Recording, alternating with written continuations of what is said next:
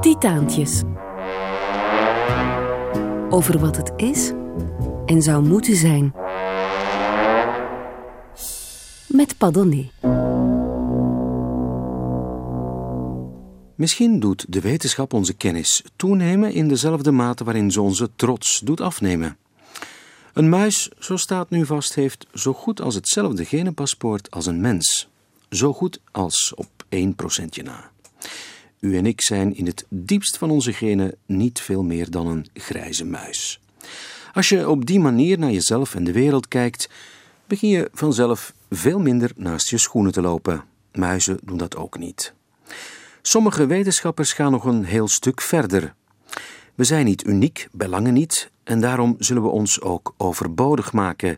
Want, zegt het neopositivisme, wat het brein kan, kan een computer ook.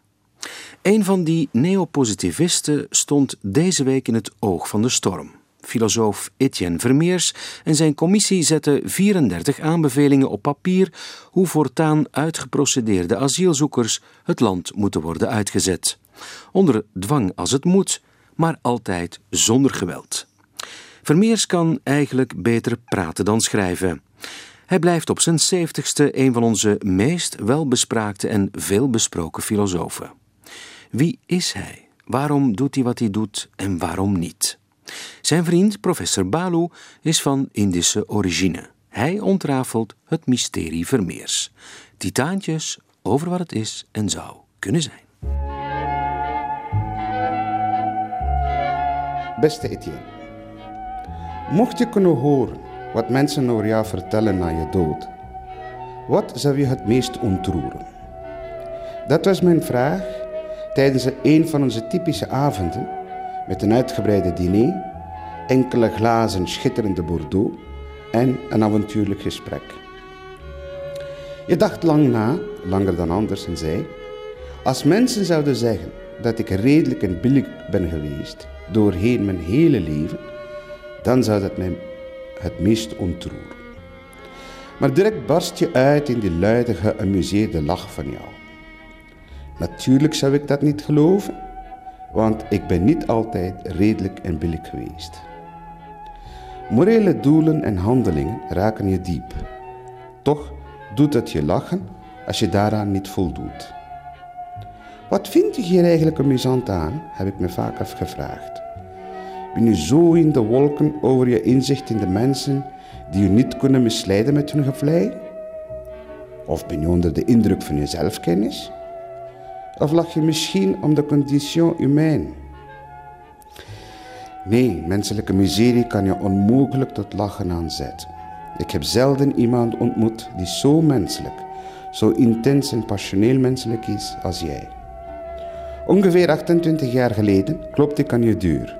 Een Indiër die in het Engels om hulp en begeleiding vroeg. Sindsdien is er veel veranderd. Nu spreek ik geen Engels meer met jou en evenmin kom ik aan je deur kloppen. Intussen werd ik een Belg, die eerder Flengels praat dan Vlaams, en heb jij aan de universiteit niet langer een duur om aan te kloppen. Wat niet veranderde, is dat ik nog steeds op jou kan rekenen voor hulp en begeleiding. Erkentelijk Balu. Etienne Vermeers, professor Balu, maar eigenlijk heet hij voluit Bala Ganga Dara. Saligram Narayan. Kijk, mondvol geeft vergelijkende cultuurwetenschap aan jouw alma mater, de Universiteit Gent. Ehm, in de wolken met zijn brief? Ja, ik vind dat uh, eigenlijk zeer ontroerend. Hij zegt, ja, um, morele doelen en handelingen raken je diep. Wat bedoelt hij daarmee? Ik denk dat ik uh, in mijn leven altijd geprobeerd heb om authentiek te zijn. Dat wil dus zeggen, uh, op het gebied van kennis te proberen de waarheid na te streven. En op het gebied van de relaties met de medemens te proberen rechtvaardig te zijn. En als het nog iets meer kan, dus mensen helpen, ook boven het rechtvaardige, want je moet niet alleen rechtvaardig zijn, ook mensen iets bij, er nog iets bij geven, dat meer dan rechtvaardig is, vind ik dus ook wel waardevol. Maar hij vroeg zich eigenlijk af waarom ik daar, daarmee eh, eigenlijk achteraf moest lachen. Ja. Wel, dat heeft te maken met het feit dat het nogal, ja, zou blijken, blijk geven van een zekere zelfoverschatting, als men zou kunnen denken dat men dat altijd in feite realiseert. Dus ik zou wel graag hebben dat men dat van mij denkt, maar ik weet dat dat ook zijn beperkingen heeft. Ik weet ook dat ik op een bepaald, op soms tekortgeschoten ben. Ik denk dat ik nooit tekortgeschoten ben, bewust op het gebied van intellectuele eerlijkheid. Maar op het gebied van het helpen van de medemens zal ik wel eens tekortgeschoten zijn. Vind je dat je de afgelopen week redelijk en billig bent geweest? Je hebt jouw eh, rapport van de gelijknamige commissie Vermeers voorgesteld over de repatriëring. We gaan dat hier niet eh, nog eens een keer allemaal dunnetjes over doen, maar je wist het. Je ging natuurlijk uh, de twee kanten over je heen krijgen. De ene, de niet-governementele ja. organisaties die zeggen van, waar zijn we mee bezig in godsnaam? Ja. Dit ruikt naar de jaren dertig. Ja. Joden die worden buiten gezet of gehouden. En de andere, de politievakbond bijvoorbeeld, zegt, ja maar als we echt niks meer mogen doen, behalve hen in de boeien slaan, dan doen we dat niet meer, want dan is dat godsonmogelijk. Dat is het paradoxale.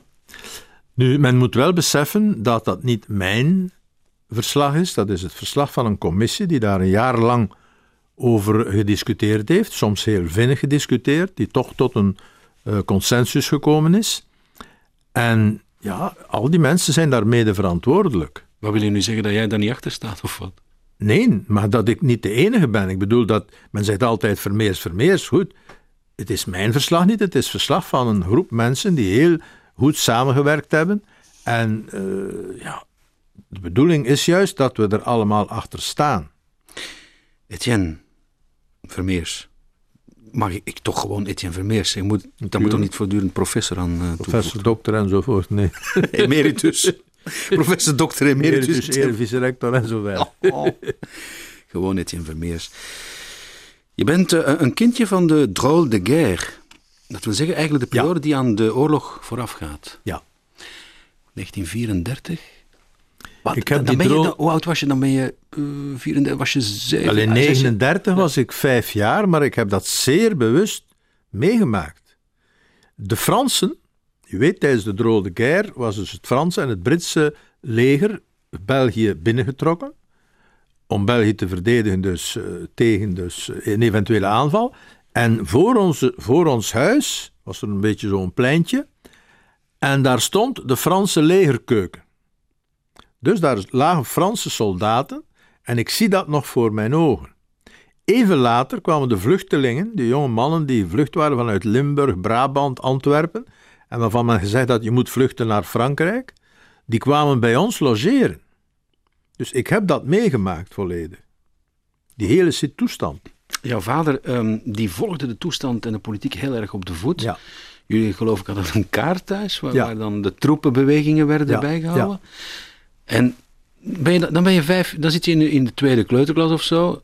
En dan ga je me toch niet zeggen dat, dat, dat die kleine Etienne Vermeers een wonderkindje is dat die troepenbewegingen uit zijn hoofd kent en weet wat. Op, vanaf dat oog? Nee, nee, zo vroeg niet. Maar vanaf half, halfweg de oorlog bijvoorbeeld, als we nu spreken vooral over de oorlog in Rusland dat volgden wij van nabij. Maar goed, toen was ik al een paar jaar ouder. Hè. Dus wat ik nu, het eerste wat er gebeurde is 39. De Drôle de Guerre is 39 tot mei 40. Dan vroegen de nonnen op school mij wat het laatste nieuws was. Omdat zij blijkbaar geen radio hadden of ze mochten daar niet naar luisteren.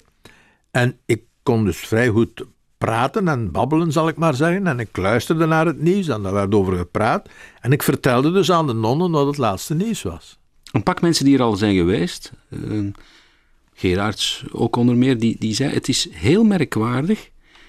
Het is gods onmogelijk om iemand die, zoals ik en mijn generatie van na de oorlog is, duidelijk te maken wat de grammatica eigenlijk van oorlog. Ik heb zo ook een beetje die indruk. Hoewel ik dat natuurlijk meegemaakt heb, dat is heel speciaal. Ik heb dat meegemaakt als kind, als bewust kind, maar toch als kind. Dat wil dus zeggen, tegen het eind van de oorlog beschikte ik over een, uh, een standgun, Een, mitraille, een mitraillette dus, hè. Wij besch ik beschikte over een revolver, een Colt, kogels à volonté. Ze pasten niet altijd op de juiste wapens, maar kogels hadden wij honderden. Maar gebruikte je die ook? Wel, wij vezen die, koppen, die, koppen, die koppen daaraf en dan eh, goten wij dat uh, poeder uit, dat zo zilverachtig, uh, zilverachtige korreltjes. En maakten wij daar hopen van, staken wij dan brand. En in de, de, dus de, de kanonkogels, dus die grote dus, daar zaten een soort uh, macaroni in. Gele macaroni. En dat met, met gaatjes. En als je die aan één kant uh, dus in brand stak, dan vlogen die rond. Uh, dus een soort reactie. Mm. al die zaken herinner ik mij. Wij speelden met, op, op de meest gevaarlijke manier met die zaken. Uh, we schuiven even op in de tijd, als je dat goed vindt. Voorlopig chronologisch hoor, maar we gaan dat niet blijven doen. En het is bekend, uh, je krijgt op een bepaald ogenblik, hoe heet dat, een goddelijke ingeving. Of je ziet ja, een epifanisch moment, uh, de Heer Jezus hemzelf zeker. Ik ironiseer het wat, maar goed. Wat zou het geweest zijn als er geen God was geweest in jouw leven? Eén, om hem te aanbidden en twee, om er zich tegenaf te zetten. Daar kan ik geen flauw benul van hebben. Baloo. Hij zal heel uh, titaantjes lang bij ons blijven. Professor Balagangdara. Balagangdara Saligram Narayan. en zijn Belgische naam is Rao. Maar je, je, noemt hem toch gewoon Baloo, hè? Baloo, ja. Baloo. Let op, watch out over uh, Etienne Vermeers. Volgens mij is hij nog altijd de priester gebleven. Ik heb hem ooit eens gevraagd of hij beseft dat hij een priester is. Uh, priester op, zijn kop. En dat hij nog steeds een jezuïet is. Maar nu is het om te argumenteren dat God niet bestaat.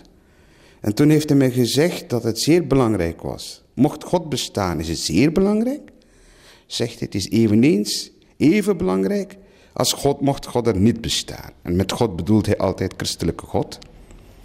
Zo zijn engagement bijvoorbeeld naar uh, atheïsme en zijn obsessie hebben heel veel te maken met een soort christelijk engagement in zijn wortels. Fundamenteel christelijk. Mensen te willen bekeren. En ten tweede, uh, drijfveer voor hem is een ongelooflijke belangstelling, nieuwsgierigheid voor kennis. Hij wil graag weten. Een derde element is, uh, hoe komisch ook mag klinken, zijn onvoorstelbaar liefde voor de mens. En mocht je die drie uh, samenbrengen met zijn wens om een rationele mens te zijn, denk ik dat je ongeveer de basisdrijfveer van Etienne geïsoleerd hebt. Baloo, Etienne Vermeers, je bent een pastoor. Ja, ik denk, ja, je kunt dat wel op een bepaalde manier zo formuleren. Of je dat zo moet formuleren, pastoor Jezuïet, dat weet ik niet. Maar dat ik altijd van mening geweest ben. We zitten nu in de westerse beschaving. Hè, dat de vraag of de God van het christendom wel degelijk bestaat, ja of nee, dat ik altijd dus van mening geweest ben dat dat een heel belangrijke vraag is, dat, dat is zo. Ik begrijp dus eigenlijk mensen van onze beschaving. Over Balu, bij Balu ligt dat anders, omdat hij in een volledig ander kader is opgevoed. Maar voor mensen in onze maatschappij, die tegenover staan van deze vraag onvers, onverschillig staan, ja. daar heb ik de grootste moeite mee. Dan heb je eigenlijk uh, moeite met ongeveer het grootste deel van, uh, van de westerse samenleving op dit moment. Van, vooral van de jongeren, hè? Ja. Ja. Dames en heren, als u wil weten waarom God niet bestaat, één adres. Etienne Vermeers. That's life. That's life. That's what all the people say. You're riding high in April, shot down in May. But I know I'm gonna change that tune. When I'm back on top, back on top in June. I said that's life. And as funny as it may seem, Some people get their kicks stomping on a dream. But I don't let it, let it get me down. Cause this fine old world, it keeps spinning around. I've been a puppet, a pauper, a pirate, a poet, a pawn and a king. I've been up and down and over and out. And I know one thing. Each time I find myself flat on my face, I pick myself up and get back in the race. That's life. That's life. I tell you, I can't deny it. I thought of quitting, baby, but my heart just ain't gonna buy it. And if I didn't think it was worth one single try, I'd jump right on a big bird and then I'd fly.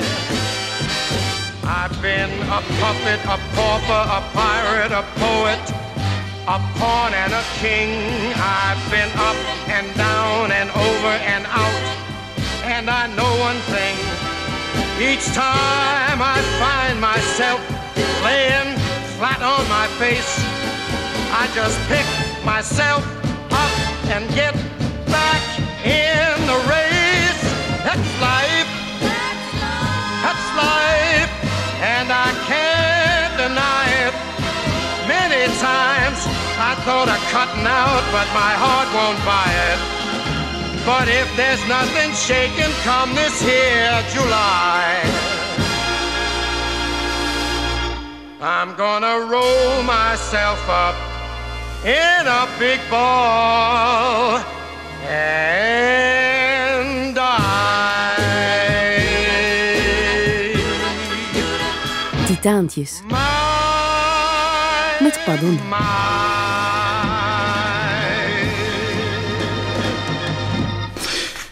Etienne Vermeers, hoogleraar filosofie, filosoof eigenlijk, toekoor, ethicus. Winston Churchill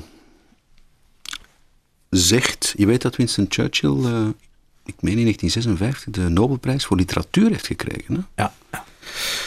En in een van die eh, twaalfdelige memoires schrijft hij: Wanneer twee mensen altijd dezelfde mening hebben, is één van hen overbodig. Dit is volkomen in strijd met mijn diepste opvattingen. Ik denk dat de, de reden waarom ik redelijkheid nastreef, bestaat, die is de volgende. Redelijkheid is de enige wijze waarop mensen, die toch allemaal afzonderlijke wezens zijn, met een eigen ik, met een eigen bewustzijn, waarop die mensen zich volkomen één kunnen voelen. Dezelfde kennis hebben, hetzelfde inzicht hebben, is datgene wat het mensen over culturen en over beschavingen heen volkomen één vormt. Ik voel mij een naaste vriend van Archimedes. Ik heb het, het wis- en natuurkundige werk van Archimedes bestudeerd en op bepaalde momenten kom ik tot het inzicht wat Archimedes hier neerschrijft. Op dit moment, terwijl ik dat volg, dat bewijs volg, denk ik op dit moment exact hetzelfde als Archimedes 300 voor Christus. Enfin, in de derde eeuw voor Precies, Christus. ja, ja, ja. Nu, dat is de grootste factor van eenwording onder de mensen die er bestaat. Maar dan, dan heb je behalve dus een intellectueel genot, denk ik ook bijna een bovenzintuigelijk genot als je dat ontdekt. Ja, het is, de, het is de genieting van zich één te voelen. Met een mens die je volkomen vreemd is in zoveel aspecten, van te zeggen, hierin zijn wij het volkomen eens, maar zonder enige dwang.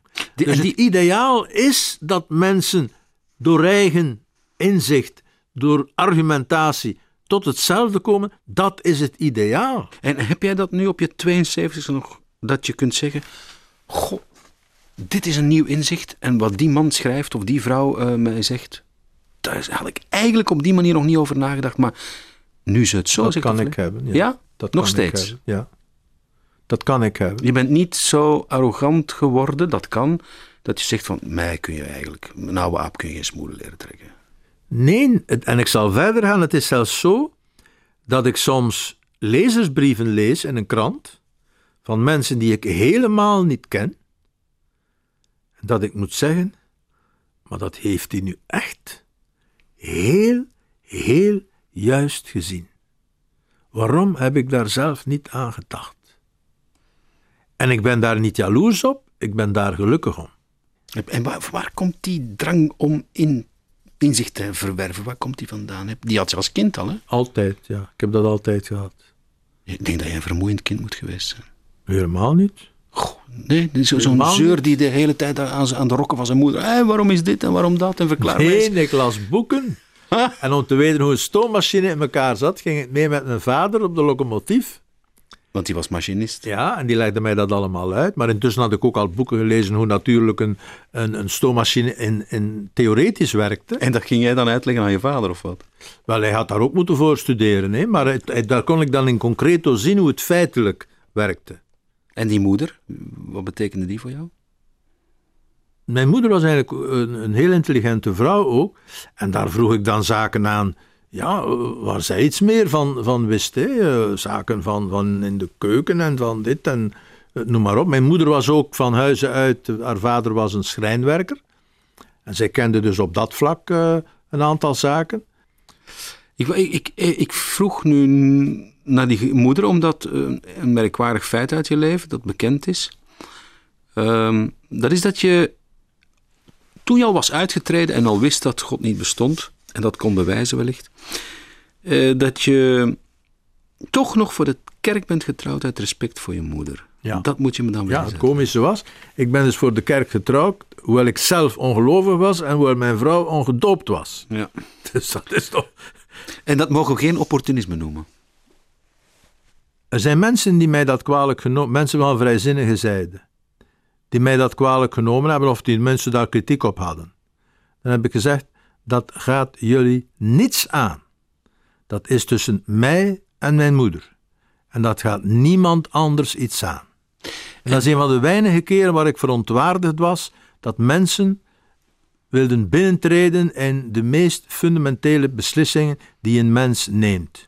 En dus gaat op dat ogenblik de liefde van een moeder boven elke andere ratio. Tuurlijk, daar moest ik geen priester spelen. Daar was ik kind van mijn moeder. En is dat iets wat je eigenlijk. Heeft dat een algemeen geldende waarde? Is het, oh, als het er fundamenteel op aankomt, primeert de liefde dan boven Ja, alles? ja. Ja. Nu, we moeten het niet eh, te persoonlijk maken, maar eh, je bent getrouwd.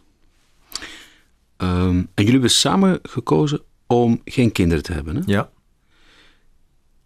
Dat, eh, en dat is een bewuste keuze geweest. ja, ja, ja. Kun je je voorstellen dat mensen met kinderen dat op zijn minst heel aardig, eigenaardig van kunnen opkijken? En dat ze dat verkeerd zouden kunnen interpreteren? Ik weet niet hoe ze dat verkeerd kunnen. Ze kunnen zeggen, sommige mensen kunnen eventueel zeggen, ja, ik kan daar niet bij. Zoals ik bij sommige dingen van andere mensen niet bij kan. Ik bedoel dat ik dat niet, niet kan begrijpen. Maar waar- waarom ik ga daar nog geen oordeel over vellen. Maar eh, waarom hebben jullie geen kinderen willen hebben? Ten eerste denk ik, ik weet niet welke de volgorde is, maar op een bepaald moment ben ik zeer diep onder de indruk gekomen van het bevolkingsprobleem in de wereld. Dus het probleem van de overbevolking in de wereld. Ook het feit dat er, wat je bij, zeer veel mensen ziet, dat er iets verkeerd loopt in de opvoeding, dat kinderen de verkeerde weg uitgaan enzovoort. En ik ben dan tot de bevinding gekomen, of tot de opvatting, maar dat is zuiver persoonlijk, dat het de verantwoordelijkheid nemen om een kind op de wereld te zetten, dat dat iets heel ernstigs is. Het is dus niet zo, volgens mij, dat je zomaar een kind op de wereld zet, terwijl je, tenzij je argumenten hebt om het niet te doen. Maar in onze tijd, maar ik herhaal, ik, ik dring dat niet op aan andere mensen, iedereen doet daar zijn eigen keuze in. Ik denk dat in onze tijd en in onze situatie men substantiële redenen moet hebben om een kind op de wereld te zetten. Zeg het, Jan Vermeers. Zijn er nooit momenten dat je zegt van... Nu, op je oude dag bijvoorbeeld... Had ik toch maar niet... Was ik toch maar niet zo principieel geweest, zeg. Dan had ik nu een paar kleinkinderen rondlopen. Opa Vermeers. Kan me moeilijk voorstellen, hoor, maar... Ik kan mij dat wel voorstellen. Toch? Maar eh, Eerlijk. Eh, Er moeten toch momenten zijn geweest dat je zegt van wat heb ik toch in mijn hoofd? Nee. Nee. nee, ik heb mij wel soms eens de vraag gesteld, ja, hoe zou dat geëvolueerd zijn? Maar spijt daarover heb ik nooit gehad.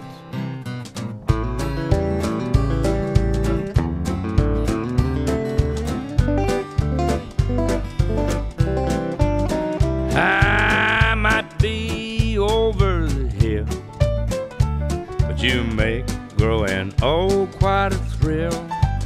So promenade and take me by the hand.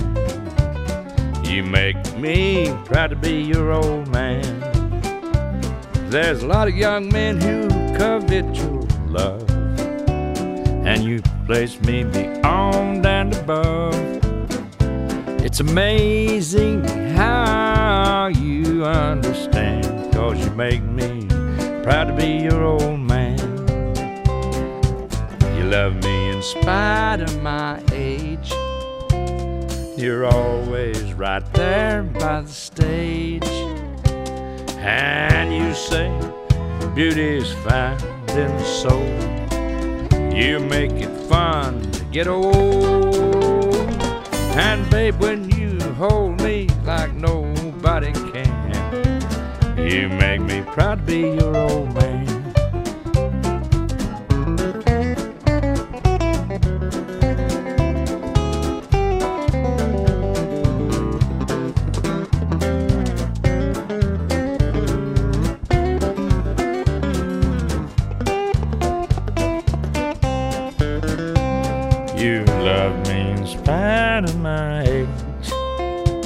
And you're always right there by the stage.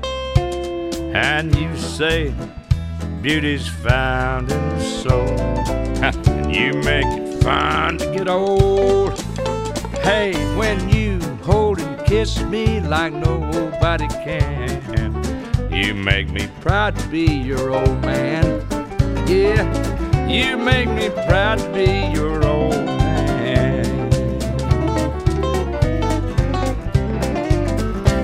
Radio 1. Noam Chomsky, grote naam.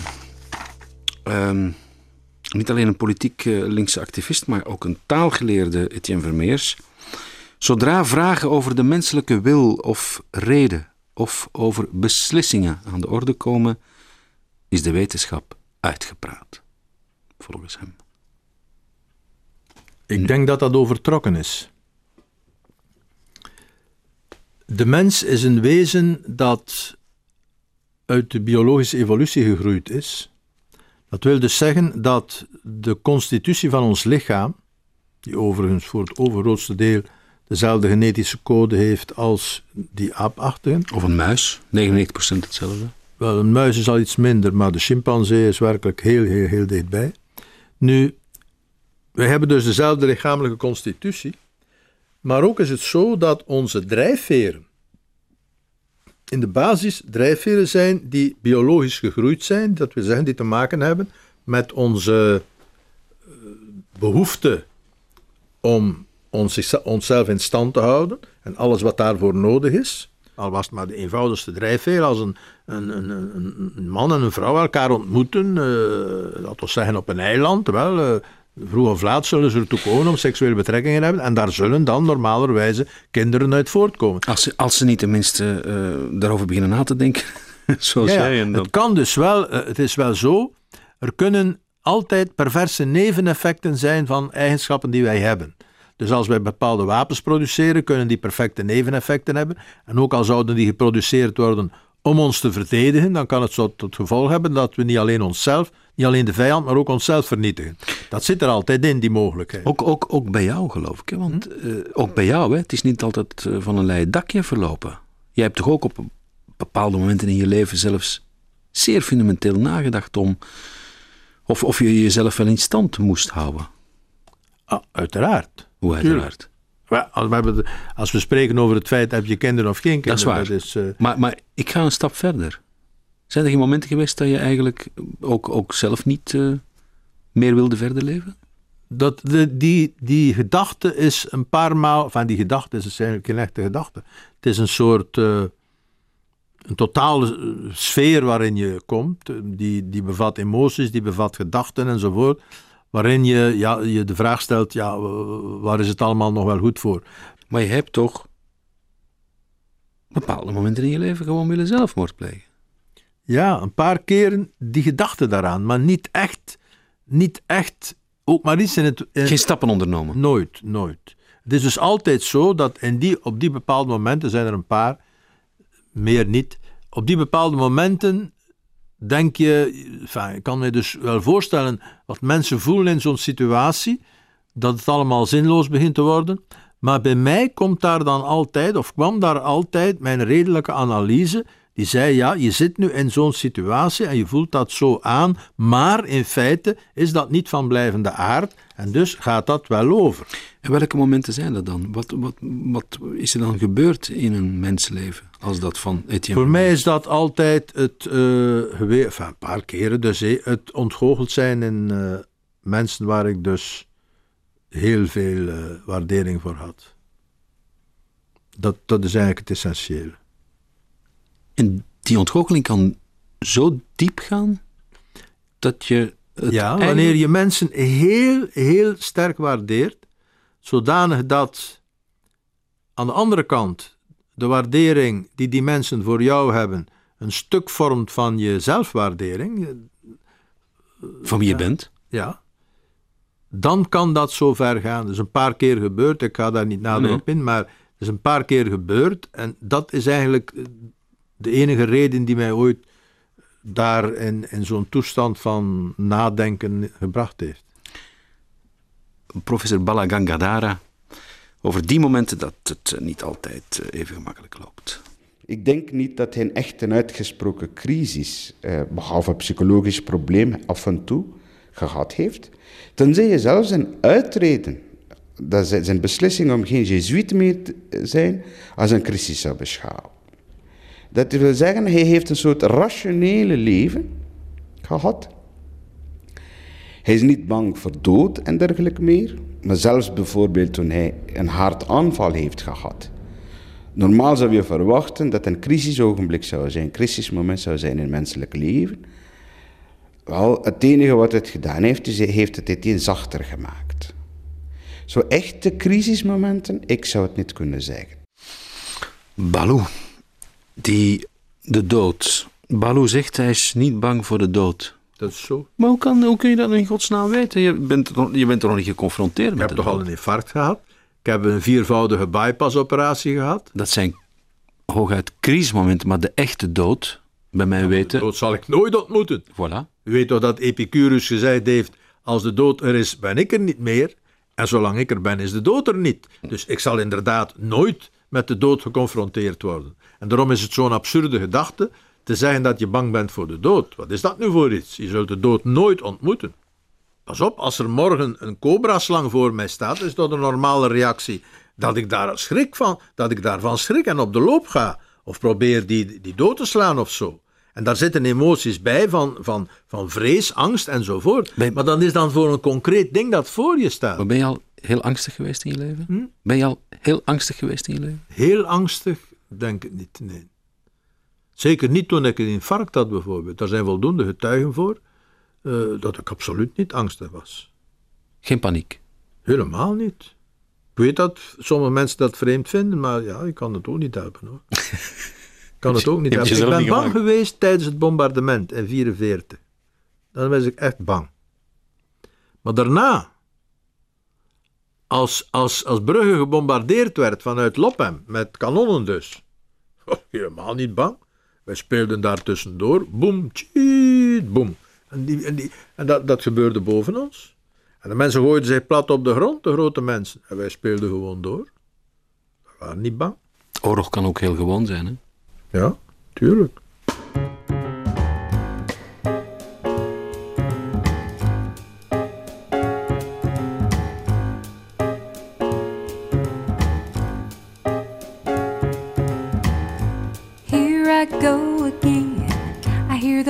Trumpets blow again. I'll blow again, taking a chance on love. Here I stand again, about to beat the band again. feeling grand again, taking a chance on love.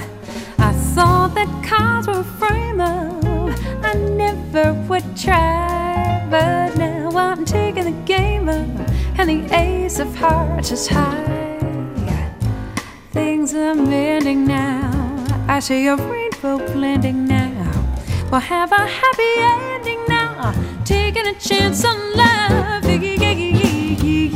I gotta go again. I can hear those trumpets blow again.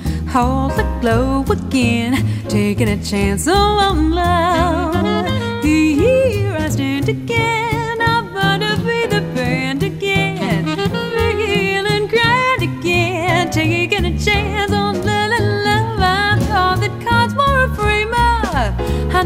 Never would try. But now I'm taking that game up. And the ace of hearts is high. Things are beginning now. I say rainbow blending now. We'll have a happy ending now. Taking a chance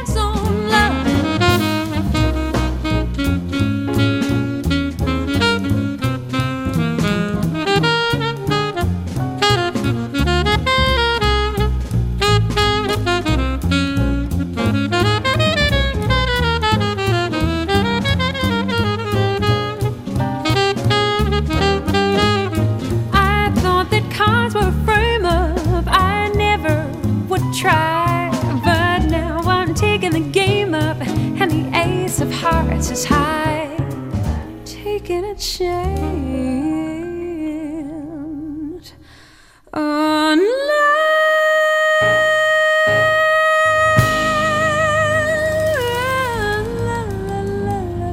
Titaantjes. Met Padonné. Etienne Vermeers. Emeritus, hoogleraar. Hoeveel verdient dat? Eh, ik heb het nog gevraagd aan mijn vrouw, want eh, ik volg dat dus niet. Ik denk dat dat zoiets rond, eh enfin, volgens haar eh, moet dat zo ongeveer een 2500 euro per maand zijn ongeveer. Daar kan iets bij komen door bepaalde activiteiten, door een lezing of...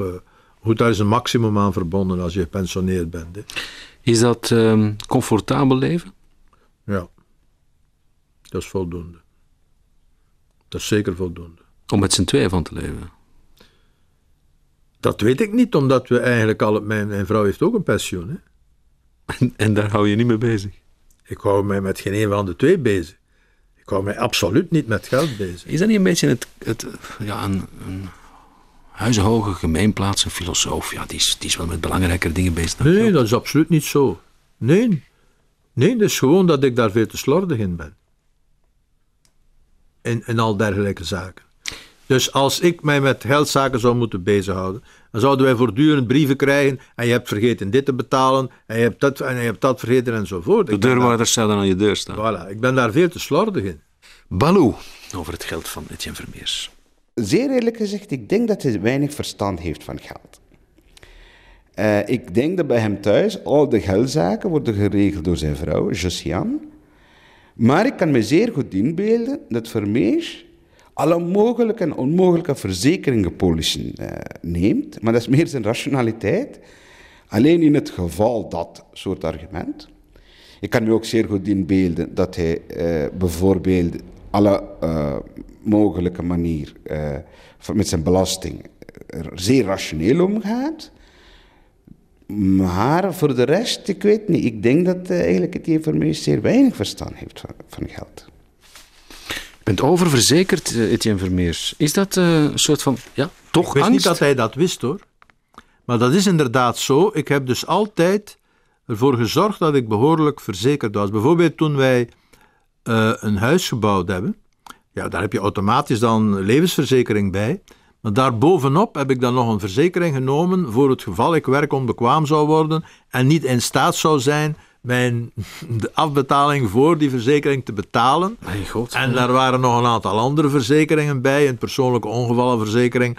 Enfin, noem het op. eh, ik had zeker vijf, zes, zeven verzekeringen. Maar jongen, dat is niet uit angst. Dat Nee, is gewoon om, wel, om nooit iemand tot last, tot last te moeten zijn. gêne dus. Een Ja, soort van ook een beveiliging. Hè? Dus eh, dat, je, ja, dat je zorgt dat, je, bon, dat de zaken in orde zijn. Etienne Vermeers, wat is jouw lijfspreuk? Ik heb eigenlijk geen lijfspreuk. Ik heb daar eigenlijk nog nooit over nagedacht. Wat mijn lijfspreuk is. Ik zou niet weten wat. Ik heb dus wel eh, iets wat men, als ik een graf zou hebben, maar eh, dus volgens mijn eh, eh, levenstestament, of hoe je het ook noemt, eh, zal ik eh, verrast worden. Dus er zal, en, en uitgestrooid. Dus er zal geen, geen grafspreuk op staan, maar ik heb het al, al, al eens gezegd wat mijn grafspreuk zou moeten zijn. Dat is dus non fui, fui, non sum, non curo. En dat, je kunt dat misschien ook een, een levensspreuk noemen. Dus. Dus non, je- fui, ja. non fui betekent, er was een, ik was er er niet, er is een periode waarin ik er niet was. Ben er Fui, er is een periode waarin ik er was. ja. Non sum, nu ben ik er niet, niet, meer. niet meer of niet non curo, ik trek het mij niet aan. Ja. Met andere woorden, ik beschouw mijn leven als wat, wat Spinoza noemt subspecie eternitatis, vanuit het oogpunt van de eeuwigheid van wat wij zijn op de aarde. Ja, ik beschouw mijn leven als een minuscule gebeurtenis. En als we nu terugkeren bij het begin, bij Baloo, met zijn vraag naar jou, hoe zou je nu willen eigenlijk dat mensen op jou terugkijken? Wat, wat had je nu graag gehad dat ze van jou zouden zeggen? Wat antwoord je dan nu? Wel, ik denk dat Baloo grotendeels, eh, het grotendeels gezegd heeft. Aan de ene kant denk ik eh, eerlijkheid, en dat bevat dus intellectuele eerlijkheid. Dat je eerlijk bent Altijd geweest? nastreven, de waarheid nastreven. En dan rechtvaardigheid, eerlijkheid in de zin van rechtvaardigheid ten overstaan van de medemens. En ik denk dat ik altijd eh, eerlijk mijn best gedaan heb om dat na te streven wat objectief het beste was. Maar ik denk ook dat ik mij een paar keer vergist heb. Gaan ze, als je daar verast wordt, weggewaaid door de wind, zeggen, het was toch een goeie Etienne? Ja, en om het nog een beetje eh, romantischer te zeggen, ik denk dat er een paar mensen zullen zijn die zullen wenen. Omdat er toch, ja, ik denk dat ik ook toch nu en dan, afgezien van de vrienden en vriendinnen die ik heb, eh, denk ik dat er toch een paar mensen zijn die, waar ik mijn best voor gedaan heb om, allee, dat ze het goed zouden hebben. Die, die gaan je missen. Denk ik, ja. Hoop je? Nee, ik, ik ben daarvan overtuigd. Hoorde Titaantjes. Over wat het is en zou moeten zijn. Met Padonné.